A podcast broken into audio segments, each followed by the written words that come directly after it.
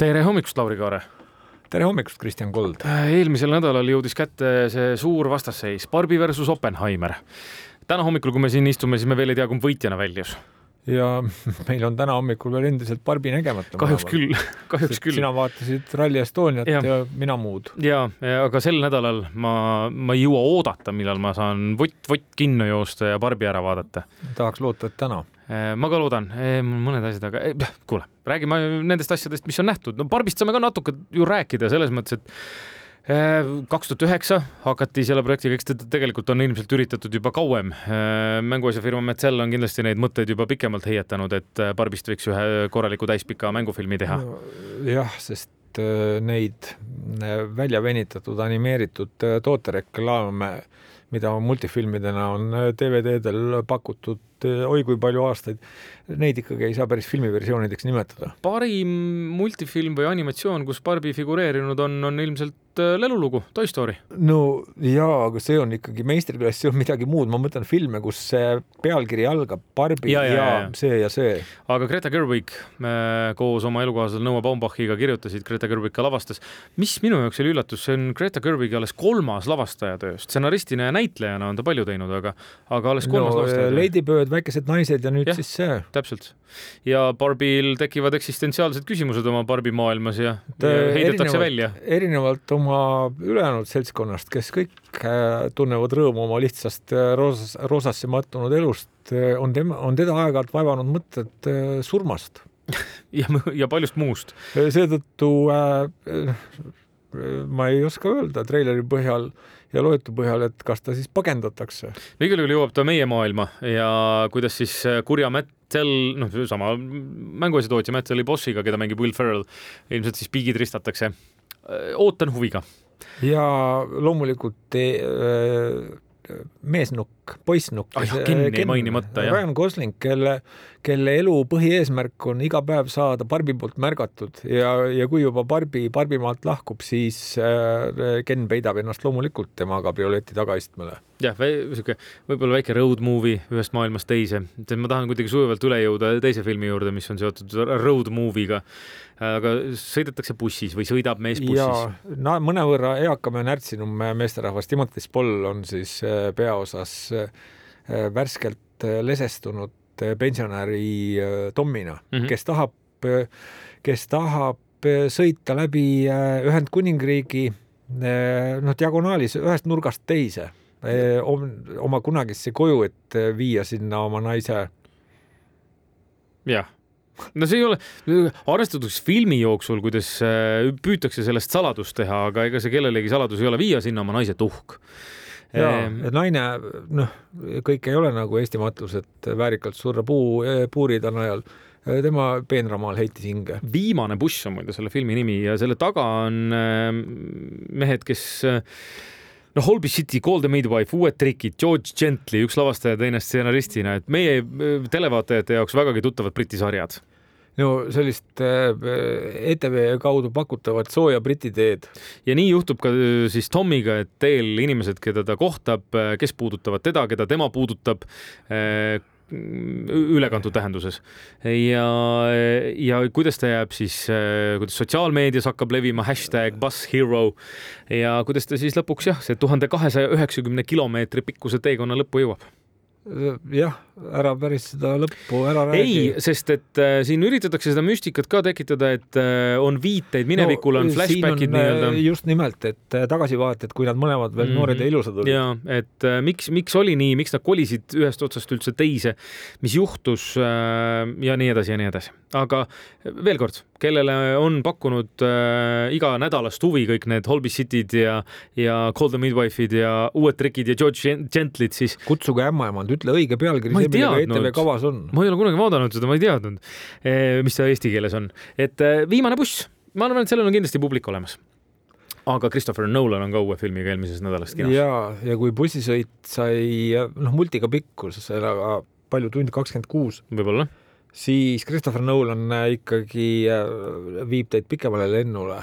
Selles suhtes, et see lugu, mis käib läbi J. Robert Oppenheimeri elust ikka hea mitukümmend aastat, kestab kolm tundi, aga enamiku sellest ajast suudab Nolan täita niimoodi, et sa ei pane seda pikkust tähele no see, kui kiiresti tal see lugu liigub, kohati isegi niimoodi, et pea hakkab ringi käima ja vahepeal tahaks öelda päris alguses, et selline Baz Luhrmannilikku Elvist meenutada, kuidas seal pandi ka pakkudelt niimoodi ajama.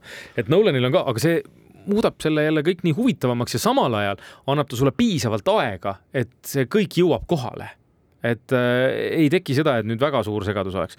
ja hästi lihtsustatult öeldes, see on tõesti siis J. Robert Oppenheimeri eluloo film. see on Pulitzeri preemiaga pärjatud raamat mis oli Ameerika Pro-, eh, Prometheus eh, Triumphant Tragedy of J. Robert Oppenheimer. täpselt, autoriteks Kay Bird ja Martin Sherwin. Et ehk siis elu enne aatompomme ja elu pärast aatompomme Oppenheimeri. jah, kui ta on noor, noor andekas füüsik, kes põrkab Euroopas ülikoolist ülikooli, et leida, leida õiget kohta, kus kus tema äh, ajukapatsiteedile vastavad tingimused oleks.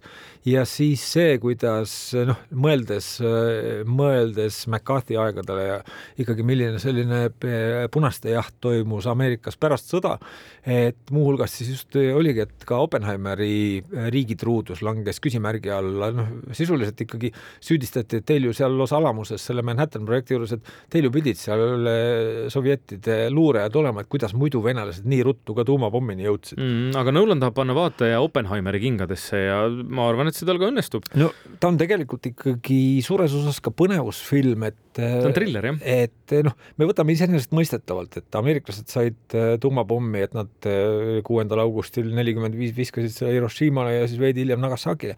aga siin, siin filmis tuleb välja, et kui lähedal ikkagi maailm oli sellele, et sakslased oleks äh, saanud pommi enne valmis ja et, et miks nad seda, miks nad selles võidujooksus siis kaotajaks jäid ja eh, ma tulen korra tagasi selle, et äh, Nolan tahab panna vaataja Oppenheimeri kingadesse, et tema eesmärk oligi näidata, et millisena nägi Oppenheimer maailma, milline oli, eh, et, et sa tunneksid sedasama vastutust ja neid moraalseid valikuid, mille ees Oppenheimer seisis. Eh, ja ta näitab seda, et, et te saaksite paremini aru, siis need, mis on Oppenheimeri vaatest, need on värvilised kaadrid ja need, mis on siis teiste vaatest, need on mustvalged kaadrid no,. siin on jah tegu ka praktiliselt inkvisitsiooni kohtuga, see komisjoni, komisjoni istung, mida nad et noh, seal ongi just selline eh, selja taga suskimine, et nad ei taha, nad ei taha kohtusse kaevata Oppenheimerit, sellepärast et nagu see üks initsiaator ütleb, et et meil ei ole vaja, et me ei tohi anda Oppenheimerile poodiumit, kus esineda, et, et see ongi, et me teeme selle niimoodi nurga taga ära, et et meie eesmärgiks on seal tema maine, maine hävitamine, et ta ei saaks tulevikus enam kunagi äh, riikliku julgeoleku julgeoleku ega aatomienergia või tuumarelvade teemal üldse sõna võtta. aga see on meisterlikult tehtud, no Nolanilt teisiti ei, kuidagi ei ootaks ega eeldakski. nii kummaline, kui see ka ei tundu, mina mõtlesin sedasama, et no eluloo film suurel ekraanil imaks siis ka veel, et noh, et on sellel nagu mõtet. aga jah, see visuaalne keel, mida kasutab Nolan, see, kuidas need visuaalsed efektid mitte siis arvutiga tehtud, need on reaalsed visuaalsed efektid, sest äh, Nolan ju teatavasti selliseid CGI-sid ei kasuta või arvutigraafikat ei kasuta väga palju. et need on, äh, need on just sellisena tehtud, et need mõjuvad ülihästi suurel ekraanil. ja äh, järele proovitud võitluskaaslased, et sul on jälle Hoite van Hoitemaa on operaatoriks, samamoodi Ludwig Göransson Oscari võitja Musta pantriga, aga kes mm., keda ta kasutas ju Teneti puhul Äh, kahjuks ma ei mäleta praegu daami nime, kes, äh, kes oli nii Teneti puhul kui ka nüüd on äh, monteerijaks, sellepärast et no üks Nolani lemmikteemasid on ajaga mängimine ja siin ka ikkagi see kolme tunni jooksul me käime kas ma ütleks viies erinevas ajas, et mm. need tagasivaated, siis need erinevad istungid, tõesti see pommi ehitamine, siis sinna kõrvale oleme jälle kuskil aastast tuhat üheksasada kakskümmend kaheksa, kui ta selline koduigatsust põdeva tudengina üritab Euroopas ellu jääda.